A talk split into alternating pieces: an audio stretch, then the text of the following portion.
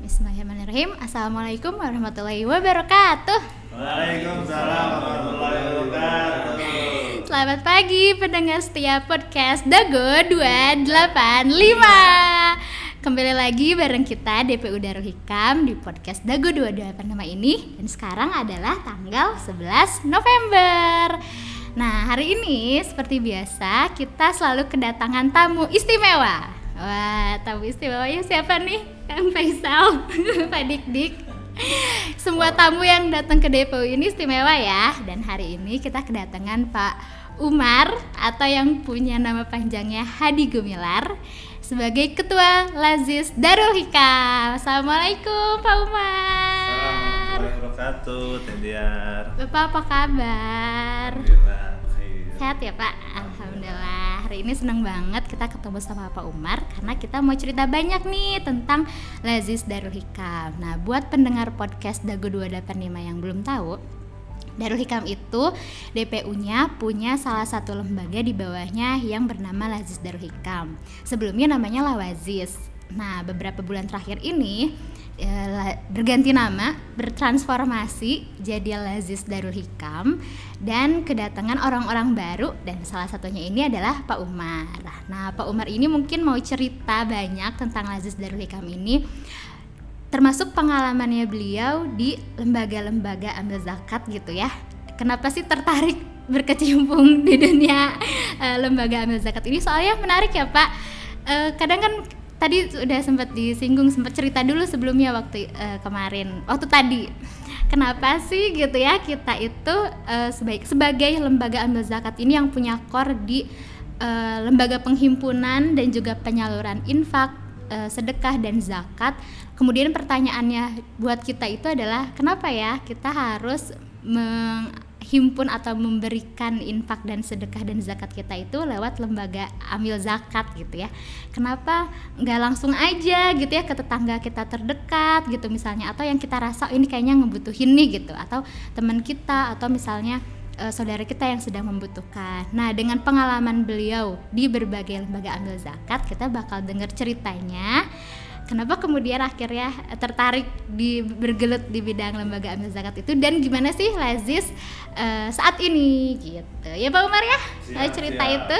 Nah, kalau gitu kita langsung aja deh ke Pak Umar. Pak Umar ceritain dong gimana awal mau asal gitu ya Pak Umar tertarik bergelut di bidang lembaga ambil zakat ini. Insyaallah. Ya. Assalamualaikum warahmatullahi wabarakatuh. Ini saya menyapa sahabat podcast 285. Ya, insyaallah. Alhamdulillah ah, teman-teman semua. Eh, panggilannya apa sih teman-teman, sahabat? Teman-teman. Khairul Ummah, Pak. Teman-teman Khairul Ummah. Khairul Ummah. Alhamdulillah. ya. Alhamdulillah ini awalnya kayak gini Teh Diar. Nah, jadi kenapa saya memilih sebagai amilin? Hmm. Waktu itu saya dapat ceramah dari seorang ustadz mengatakan kayak gini. Apa bedanya amilin sama dai? Kalau dai itu mereka berceramah di mimbar-mimbar, mereka datang ke masjid-masjid untuk, uh, berdakwah di situ. Tapi kalau amilin itu kata beliau tingkatannya jauh lebih tinggi. Apa namanya disebut dengan mugozin. Mugozin itu orang yang sedang berjihad di jalan Allah. Jadi kalau misalkan uh, mujahid dia kan orang yang berjuang berperang. Kalau mu- mugozin orang yang sedang berjihad. Kalau perang tuh lagi di depan gitu. Kenapa demikian? Kalau pendakwah menyerukan, ayo zakat, ayo zakat, ayo zakat, gitu kan ya. Kalau amilin, ayo zakat, terus dia datangin, dia samperin, dia datang doa gitu kan ya, sampai dia salurkan kepada yang berhak. Itulah yang disebut dengan mugozin. Makanya dari situ saya bersemangat untuk selalu menjadi amil zakat. Alhamdulillah saya punya pengalaman pertama di rumah zakat kurang lebih 10 tahun di sana. Banyak ilmu yang didapatkan di sana ya sebagai lembaga besar sekarang se- sebagai market leader lah kalau sekarang di eh, filantropi Indonesia selain dari lembaga-lembaga yang lain terus juga saya muter ke lembaga-lembaga yang lain ya ke lokasi Palestina ke harapan umat dan lain-lain sebagainya untuk membantu lembaga-lembaga yang yang apa namanya tuh yang mungkin belum dikelola secara maksimal. Alhamdulillah atas izin Allah, qadarullah awal tahun kemarin saya diminta sama ketua uh, Yayasan Darul Hikam untuk mengembangkan nah, dulu namanya Lawajis ya. Lawajis gitu kan. Mungkin karena belum tahu nah, akhirnya saya rubah. Kenapa diganti dengan Lajis? Dikarenakan ada undang-undang yang harus memisahkan lembaga zakat sama lembaga wakaf. Jadi kita rubah menjadi namanya Lajis Darul Hikam. Itu sejarahnya teh biar ini Oke, jadi lewat semangat itu ya Pak, semangat untuk menjadi yang terdepan seba di eh, medan peperangan aja medan peperangan, medan jihad gitu ya. Saya juga baru tahu nih, soalnya sejujurnya kalau saya pribadi ya Pak, awalnya nggak terlalu ngelihat oh ada ya lembaga filantropi seperti ini gitu. Oh ternyata memang dikelola secara profesional gitu ya. Ya dikirain uh, ya kurang banyak lah pengetahuan saya. Nah ternyata alhamdulillah Pak Umar ini dengan segala uh, pengalamannya bisa bergabung di Darul Hikam. Nah boleh dong Pak sekarang ceritain uh, jadi uh, apa ya kenapa harus uh, berinfak dan bersedekah lewat suatu lembaga gitu Pak Insya Allah Teh Diar gini ini memang pengalaman pribadi saya juga ya. Dia juga sama ada seorang donatur yang dulu pernah ngobrol sama saya. Dia tuh agnia besar ya. Nah, perusahaannya banyak dan dia itu punya saudara yang memang kondisinya harus dibantu. Dia pernah bantu langsung ke rumahnya ketika dibantu ke rumahnya ternyata uh, itu malahan jadi masalah terutama dengan saudara kan ya. Mau ngasih kecil mau ngasih gede pasti diomongin. Kayak itu kan ya. Udah diomongin misalkan kayak gini. Kita ngasih bantuan terus kita nyuruh sholat misalkan sama uh, saudara tuh. Oh masa sih cuma ngasih bantuan aja harus udah nyuruh nyuruh sholat gitu kan? Gitu. Terus uh, dikasih bantuan lagi dikasih dulu sama beliau tuh uh, bantuannya seekor seekor sapi untuk persiapan kurban ya. Pas kondisinya lagi uh, apa kurban sapinya udah nggak ada karena udah dijual. Kayak gitu. Sampai donatur tersebut tuh bingung akhirnya menghubungi kepada kami dari lembaga pak ini gimana ya untuk bisa membantu saudara saya? Memang tugas dari lembaga itu ya. Kita memfasilitasi untuk para agnia-agnia untuk bisa memberdayakan masyarakat di sekitarnya. Khususnya ialah saudaranya. Jadi kan dalilnya gitu ya hu angpusakum wa ahlikum nar.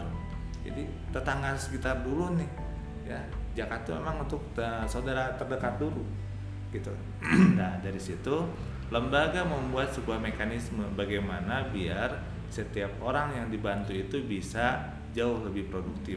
Kalau dari segi pendapatannya yang tadinya fakir miskin menjadi ya kalau bagus-bagusnya menjadi menjaki gitu kan tapi kalau misalkan minimal minimal banget ialah terubah secara mentalnya. Kalau mentalnya berubah yang tadinya mentalnya mustahik menjadi mental mujaki kan itu yang diharapkan.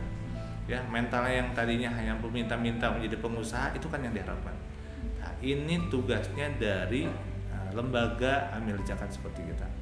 Jadi bagaimana caranya biar mereka itu mau dan mampu untuk berubah menjadi jauh lebih baik makanya itu wah masya Allah.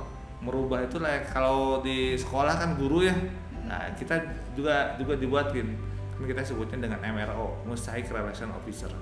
Jadi mereka setiap hari mikirin bagaimana orang tersebut jadi jauh lebih baik lagi. Masya Allah gitu.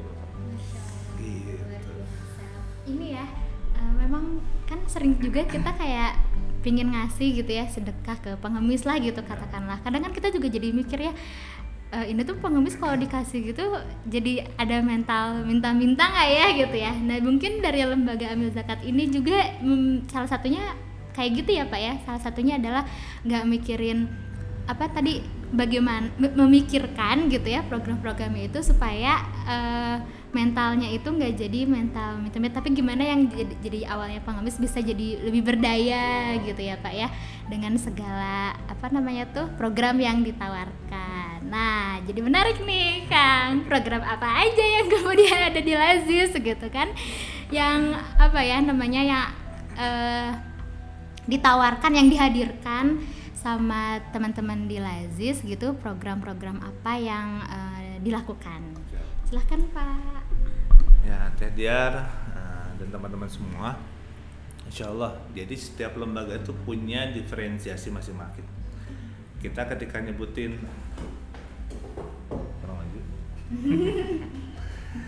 ketika kita nyebutin ACT maka kita langsung kebayang oh setiap ada bencana alam ACT sebagai lembaga terdepan untuk uh, handling masalah kebencanaan.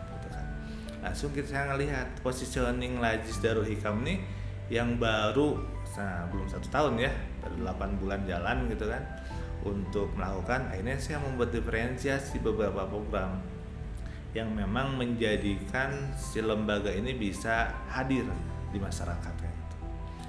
Yang paling pertama kita hadirkan yaitu uh, santunan anak yatim. Kenapa santunan anak yatim? Karena saya pengalaman dari saya sendiri ialah ketika kita udah menyantuni anak yatim dan kita minta doanya dari anak yatim, insya Allah berkah. Gitu. Saya merasa uh, Lajis Darul Hikam ini kita bisa melesat seperti ini ya itu berkat doa dari anak yatim bukan karena saya yang bisa ngatur enggak tapi memang doa dari anak yatim ya makanya kita setiap minggu ya sekarang sehari Selasa Kamis sama Sabtu itu ada khusus mendoakan oleh anak-anak yatim mereka khusus mendoakan kita semua ya mendoakan semua entitas yang ada di Darul Hikam kayak gitu kenapa karena untuk mendapatkan keberkahan di situ. Nah, itu program awal yang kita naikkan. Nah, jadi bagi para uh, agnia, para donatur yang ingin menjadi donatur anak yatim, kita ada programnya The Next Leader. Ya, kita juga tidak menyebutkan ke anak-anak itu santunan anak yatim enggak. Karena itu membuat mentalnya jadi uh, peminta-minta tadi. Tapi kalau the next leader ya Nah, pemimpin masa depan, wah, masya Allah, mental mereka udah dibuatkan menjadi sesuatu yang luar biasa. Itu, itu untuk uh, program yang pertama yaitu anak yatim. Yang kedua, kita sekarang lagi gencarkan untuk membantu masjid dan musola. Nah, gitu. Kenapa demikian? Karena uh, kita ngelihat kalau tadi anak yatim itu salah satu cara untuk uh, pintu masuk surganya lewat anak yatim karena uh, seperti hakaza ya kata Rasulullah ya disuruh uh, apa di hadisnya seperti uh, jari yang dilihatkan uh, oleh Rasulullah SAW uh, kita juga sama kita buat dengan program uh, masjid. Karena kalau disebutin ini banyak banget programnya. Iya betul. Nah, gitu kan. nah, akhirnya kita sekarang untuk uh, ngeberesin masjid namanya geber masjid jadi kita siapkan tim khusus untuk ngeberesin masjid musola. Karena di hadisnya itu dikatakan bahwasanya barang siapa yang memungut sampah atau menghilangkan sampah uh, dari masjid Allah ya, dari rumah Allah, maka dia dibangunkan surga oleh Allah Subhanahu wa taala. Teringat dengan nenek-nenek tua yang dulu uh, Rasulullah pernah marah. Jadi ada marbot masjid, ya tuh kan, di zaman Rasulullah beliau itu lah waktu itu meninggal ya. Rasulullah nggak tahu dan tidak dikasih tahu oleh para sahabat yang lain ya, ketika Rasulullah datang ke masjid beliau menanyakan nenek tersebut di mana si Fulanah gitu. ketika tanya kayak gitu oh udah meninggal ya Rasulullah Rasulullah langsung marah kenapa kalian tidak uh, ngasih tahu saya? Nah gitu. Nah, di situ dilihat bahwasanya mungkin uh, apa namanya sesuatu itu hal yang kecil. Tapi sama Rasulullah SAW itu sebagai orang yang sangat-sangat diperhatikan. Makanya kadang kita kalau di masjid melihat marbot masjid itu kayak yang orang sepele gitu. Padahal mah belum tentu bisa jadi dia masuk surga lebih dulu dibandingkan kita. Nah gitu. Oleh karena itu ya kita harus selalu memuliakan mereka memberikan uh, yang terbaik lah yang bisa kita berikan. Gitu teh. Biasa ya. Merinding saya kalau nyebutin iya sama. Saya juga jadi merinding pak. Jadi luar biasa itu adalah program unggulannya dari Lazis Darul Hikam yang bener-bener ini ya mencontoh Rasulullah banget mengikuti sunnah dan ininya Rasulullah banget bahwa uh, harus menyantuni anak yatim, menyayangi anak yatim dan kemudian diwujudkan dengan program The Next Leader ini. Nah, jadi buat para pendengar podcast Khairu Ummah, cie Khairu Ummah gitu ya, yang mau masuk pintu surga lewat menyantuni ayah, anak yatim, membuat anak yatim ini jadi the next leader gitu ya. Wah, pasti kan ini luar biasa ya, Pak ya. Maksudnya uh, mencetak generasi-generasi uh, the next leader gitu. Nah, mangga yang mau masuk pintu surga lewat menyantuni anak yatim bisa nih memberikan infak dan sedekah sedekahnya dan bantuannya lewat Lazis Darul Hikam. Kemudian juga tadi ada geber masjid yang memakmurkan masjid ya Pak ya. Gimana membuat masjid itu bersih dan nyaman sehingga orang jadi betah berlama-lama ibadah ya Pak ya di masjid luar biasa tepuk tangan dong Lazis Darul Hikam nah Pak eh, kan dengan program gitu mau nanya dong Pak, ada nggak Pak pengalaman yang tidak bisa terlupakan gitu ya Pak ya ketika Bapak berkecimpung di dunia uh, apa lembaga ambil zakat ini yang nggak bisa dilupain gitu. Boleh dong Pak sharing sama kita. Uh, bagi amilin itu sebenarnya di mana di posisinya positioningnya kan dia tuh harus kalau di ayatnya kan khud min amwalihim sodako. Jadi ambil uh, untuk uh, dari para agnia agnia itu sodakohnya. Sebenarnya posisinya ialah kita ini kan kalau di ayat itu kurang lebih 30 sampai 35 ayat ya yang berhubungan dengan apa udah sholat zakat sholat zakat sholat zakat gitu kan. Nah, ketika posisi yang kayak gini kita akan berhubungan dengan dua uh, posisi. Yaitu berhubungan dengan muzaki yang keduanya berhubungan sama mustahil jadi bagi saya sendiri itu ketika eh, mungkin sekarang orang ya ketika dia tuh jadi orang kaya dia langsung euforia ataupun dia kadang eh, ya kalau sekarang lagi viral tuh yang melihatkan hedonismenya melihatkan kekayaannya kayak gitu. Ternyata ketika saya uh, menjadi amil itu ketemu sama orang-orang kaya yang luar biasa tuh ternyata mereka semakin uh, apa semakin tawadu gitu. Karena ada satu kejadian ketika itu datang ke kantor nah, dia datang. Ketika datang tepat saya mau sedekah. Oh boleh boleh gitu. Mau ngebantu salah satu program. Waktu itu programnya uh, apa uh, rumah bersalin ya. Kita mau bangun rumah bersalin cuma-cuma. Ketika itu dia datang Masya Allah tabarakallah dia datang itu ketika kita mau tuliskan Pak mau sedekah berapa? Ini saya mau ngasih satu miliar. Beliau ngasih satu miliar yang luar biasa itu. Jadi kita ngelihat yang mana kita banting tulang setiap hari untuk ngumpulin dana gitu ngumpulin uang untuk uh, nafkah dan semuanya beliau nggak ngasih begitu saja. Beda dengan perbankan. Kalau perbankan mah kita ngasih uang di sana iya. deposito kita dapat feedbacknya di situ terus uangnya bisa kita ambil lagi. Kalau misalkan udah sedekah itu tergantung kepada orang. Kalau orangnya ikhlas masya allah Allah kita tanya. Nah tapi dari situ juga kita ketemu sama mustahik. Makanya saya di Lajis Darul Hikam tuh harus ketemu sama mujaki sama mustahik juga. Setiap bulan mereka harus uh, datangin kepada mustahik. Kenapa? Karena kalau kita ketemu sama mustahik tadi kita akan lihat ya Allah ya Robi ternyata hidup kita ini harus jauh lebih bersyukur dibandingkan orang-orang yang kita bantu. Mungkin nanti suatu ketika suatu hari kalau ingin ketemu juga ada namanya Mak Yanti. Mak Yanti ini seorang janda tua yang tinggal di daerah Pasir Impun. Ketika dari teman-teman Lajis itu datang, setiap kali datang pasti menangis.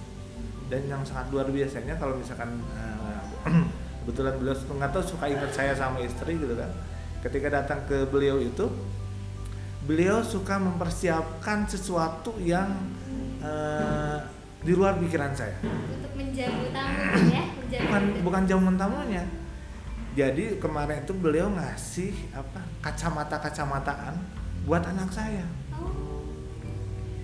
Kacamataan mungkin dia nggak beli karena memang kelihatan apa bekas ya. Tapi masya Allah sampai kalau saya lihat ya Allah beliau begitu perhatian dan beliau tuh nunggu nunggu banget dari teman-teman lagi untuk bisa hadir ke sana. Ya beliau tinggal sendirian karena memang tidak punya saudara lagi. Terus juga dia ngontrak di sana hanya mungkin hanya berapa ya tiga kali empat aja tinggal di sana. Di situ dia tidur di situ dia masak di situ dia apa makan gitu kan. Tapi hanya itu yang kita lihat sebagai keberkahan dari Allah Subhanahu wa taala. Gitu. Luar biasa ya, kayak ada kesenjangan gitu ya langsung gitu ya kalau uh, amil-amil ini ngelihat para muzaki yang ternyata semakin kaya justru semakin tawadu gitu ya Pak ya. Justru semakin kaya semakin menganggap bahwa ini harta bukan punya dia kayaknya ya punya Allah Subhanahu Wa Taala yang kemudian uh, harus disedekahkan uh, harus dikeluarkan untuk membantu sama. Tapi juga di lapangan ketemu langsung sama mustahik yang dari situ justru kita jadi banyak bersyukur gitu ya Pak ya ngelihat kondisi ngelihat keadaan di lapangan kayak gimana. Luar biasa. Semoga teman-teman Amilin nih di Lazis Darul Hikam diberikan kekuatan dan juga kesehatan gitu ya. Dan juga para mustahik diberikan kelancaran rezekinya dan keberkahan. Nah, sebelumnya mau nanya nih Kang Faisal. Nah, apa Kang Faisal yang mau ditanyain ke Pak Umar atau mau uh, mengambil hikmah? Iya, makasih Teh Diar uh, kesempatannya. Pak Umar saya tuh jadi penasaran tadi luar biasa speechless kalau bahasa zaman sekarang mah ya mendengarkannya. Saya selalu penasaran sama anak-anak yatim. Tapi dari dua sudut pandang. Sudut pandang pertama tuh orang yang mengelola atau orang yang memang menyantuni anak yatim. Uh, Pak Umar punya nggak kisah-kisah atau cerita miracle gitu ya, yang emang itu tuh uh, istilah kata mah wasilahnya tuh dari uh, santunan anak yatim. Karena begitu luar biasa uh, hadisnya pun sebegitu dekatnya nanti Rasulullah SAW di surga itu bersama orang-orang yang bersama anak yatim. Itu yang pertama. Yang kedua uh, ada nggak ya miracle? Jadi ini jadi uh, kebalikannya buat anak yatimnya sendiri gitu ketika memang disantuni uh, dibina apa segala macam ada kondisi-kondisi yang nyata uh, yang apa ya itu teh keajaiban gitu yang Allah anugerah dari Allah yang diberikan kepada mereka. Gitu mungkin Pak Umar. Ya Kang Faisal. Jadi ini cerita aja ya. Pertama buat para donatur ini pengalaman uh, yang langsung. Dan ini saya belajar dari teman-teman yang lain juga. Jadi para uh, frontliner itu mereka tuh kita berharap uh, apa mental mereka tuh harus kuat dulu. Kenapa? Ada kejadian kayak gini. Ketika salah seorang donatur itu beliau uh, ngasih tahu pak maaf uh, bulan ini saya tidak bisa sedekah. Ya, disampaikan sama donatur seperti itu kenapa wah bu ya karena kan saya lagi ada masalah gini gini gini. Ya. nah, dari frontliner ini kalau di kita sebutnya sebagai funding officer. Sampaikan kayak gini bu ibu lagi ada masalah. Ibu kalau lagi ada masalah jangan sampai tidak sedekah karena ketika ibu ada masalah tuh harusnya sedekah ibu ada masalah apa? Sini tuliskan dalam selembar kertas kita doakan bersama anak-anak yatim. Ketika disampaikan demikian si ibu tuh langsung aduh ya benar makasih ya. Karena dia sedekah. Dari situ ternyata uh, beliau ini punya apa uh, keinginan mempunyai seorang anak. Gitu kan. ketika punya anak beliau langsung bersedekah udah belasan tahun beliau itu belum punya anak qadarullah. Allah langsung berikan anak. Dari situ ini salah satu cerita yang memang luar biasa ya. Adapun cerita yang tadi ada nggak sih anak-anak yatim yang memang menjadi berkah? Sekarang yang viral yang terbaru yang seorang anak yang baca Quran. Ya pemulung itu. Nah, itu sekarang udah menjadi uh, anak uh, asuhnya dari Syekh Ali Jabir. Sekarang. Beliau akan dibawa sama Syekh Ali Jabir terus juga diumrohkan sama beliau dan disiapkan untuk menjadi imam besar nanti. Masya Allah. Itulah keajaiban-keajaiban kita di lapangan. Ya mungkin ini biasanya harus sambil ngobrol santai gitu kan. Kita mendengar cerita ini dan membuat uh, iman kita meningkat justru dengan seperti ini kita semakin sadar bahasanya Nah, hidup kita ini harus banyak memberikan manfaat pada yang lain. Kayak gitu kan. Jadi eh, kepada para pendengar semua ayo kita sama-sama untuk selalu membantu anak-anak yatim membantu eh, pejuang-pejuang semua. Dan ingat setiap kebaikan kita ini eh, belum tentu diterima baik sama mereka. Tapi jangan pernah bosan untuk berbuat baik karena Allah tidak melihat uh, apa, apa yang kita berikan, tapi Allah sangat melihat kepada apa yang terus kita usahakan. Insyaallah. Siap, Bapak. Satu lagi tuh yang penasaran yang miracle dari anak yatimnya sendiri nih Pak. Oh, Oh, udah tadi nggak konsen.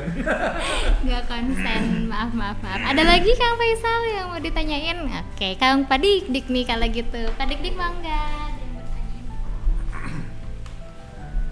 Baik, sebelumnya terima kasih ya Pak Umar sudah menggugah hati gitu ya ini seakan-akan ketabrak gitu ya untuk eh, peduli terhadap lembaga zakat gitu ya untuk kita berdonasi senantiasa ke lembaga zakat.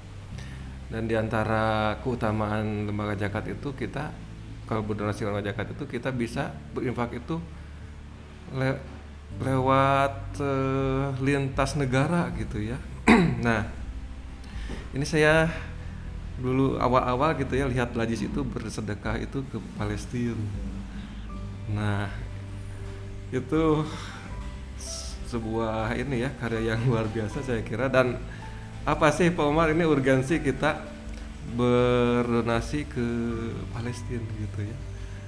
Ini bagaimana ini gitu ya su- supaya memang orang itu jangan ah untuk eh, dalam negeri saja. Padahal kan di luar negeri juga kita bisa gitu kan kalau melalui lewat lembaga zakat gitu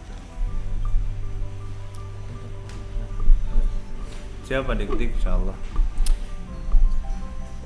Program kepalestinaan kita dirilis di awal tahun kemarin.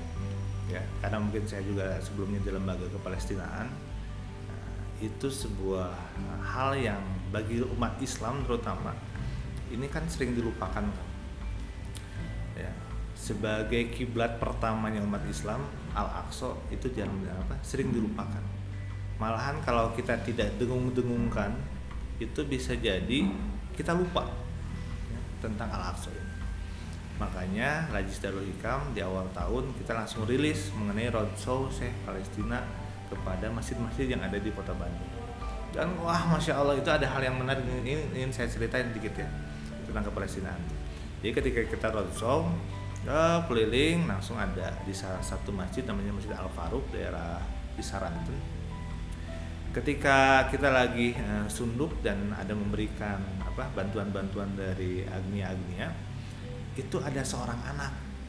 Anak kecil kalau nggak salah tujuh tahun. Ya dia nanya sama ibunya saya dengar ceritanya kayak gini. "Eh, mah mah apa ya yang bisa ada berikan ya buat Palestina? Kasihan mereka di sana. Ya mereka dijajah mereka itu di apa di eh, apa ditindas oleh Israel gitu. Si anak tersebut nanya ke ibunya Ade punya tabungan tapi kan tabungan Ade buat umroh mah. Nah, langsung si adanya bilang ya udah mah. Ade kasih ini aja anting Ade ini. Antingnya langsung dicopot. Dua-duanya anting yang kecil dikasihkan. Bismillah ini ada berikan buat Palestina. Jadi dari situ kita ingin menumbuhkan rasa cinta kepada Al-Aqsa. Dulu di awal-awal mungkin ketika saya kecil jarang mendengar itu kan ya tentang kepalestinaan. Wah jarang sekali. Ya, apalagi ngobrol sama orang Palestina langsung jarang. Tapi kalau sekarang dari anak kecil ya ketika memperingati Maulid Nabi bukan lagi memperingati seperti biasa tentang eh, prosesnya Isra Miraj tapi tentang Palestina. Nah. Jadi dengan demikian semakin cinta kita terhadap Al-Aqsa itu jauh-jauh lebih luar biasa. Karena bisa dilihat nanti ya kalau kalau ditayangin nih di videonya kita di Lajis Darul Hikam itu eh, Masjidil Haram sama Masjidil Aqsa itu beda banget dari lantainya juga beda banget kayak gitu nah yang ini mah ta, apa terawat dengan baik gitu kan Al Aqsa aduh. Malahan saya punya mimpi itu ingin eh, geber Masjid Al Aqsa. Dan ini udah uh, saya coba sounding ke teman-teman yang di Palestina di Al Aqsa. Insya Allah itu bisa worth it kita bisa melakukan hal di sana. Karena dulu kita udah ngadain uh, apa uh, Jumat berkah. Kasih makanan setiap Jumat di sana Insya Allah kita ingin juga untuk geber masjid di sana. Ya mungkin ada perwakilan kita yang hadir ke sana untuk pemberesan Masjid Al Aqsa.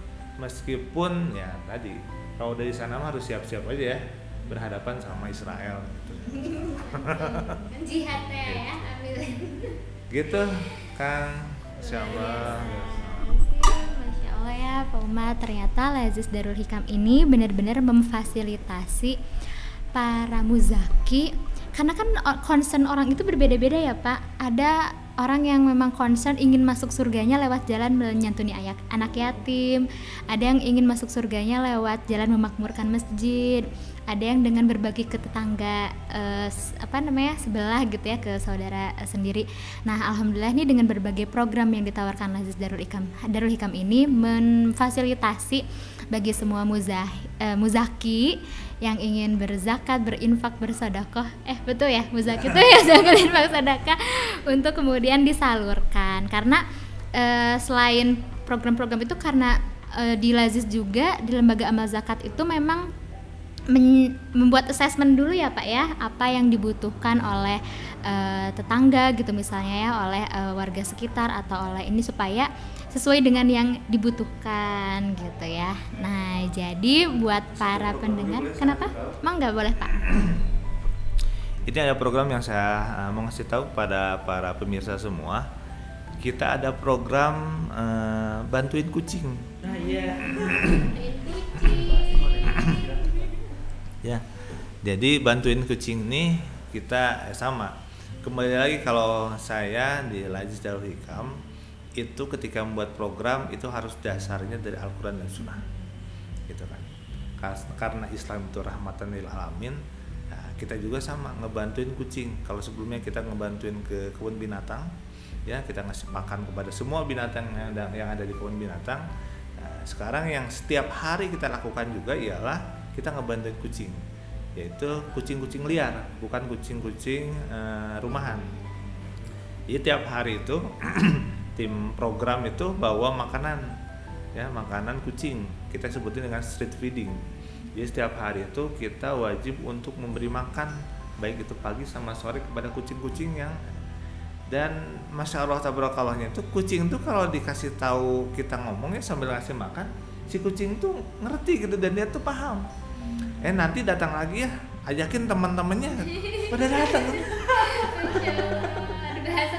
kayak gitu. Terus udah kayak gitu kan mereka tuh kadang suka berantem ya. Kita kasih tahu wah kamu kayaknya udah berantem aja nih. Nanti jangan berantem aja ya. Kalau lagi makan kayak gini santai aja lah gitu kan. Ya? Karena kan dibagi-bagi kayak gitu. Alhamdulillah dengan begitu teh. Ya saya sendiri sekarang ada kebiasaan sambil jogging gitu. Ya sambil bawa makanan kucing. Dia ke mana-mana sih sih sih kayak gitu.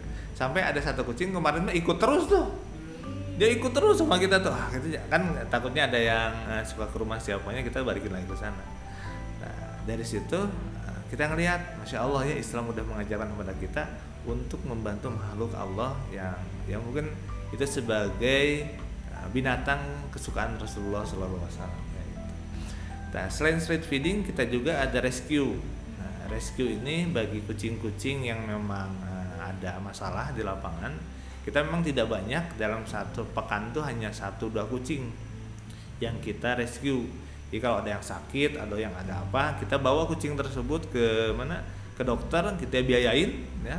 Jadi kita harus eh, nyiapin biaya khusus buat eh, kucing-kucing liar seperti itu. Nah, setelah itu kita ada eh, namanya shelter buat eh, kucing. Jadi kucing-kucing tersebut yang memang udah apa perlu kita ambil ada sampai satu rumah yang kemarin daerah di eh, mana itu? Cikutra. Beliau punya di rumahnya 90 kucing. Satu rumah. Kayak gitu. Sampai pernah sama tetangganya juga agak apa nggak suka gitu kan.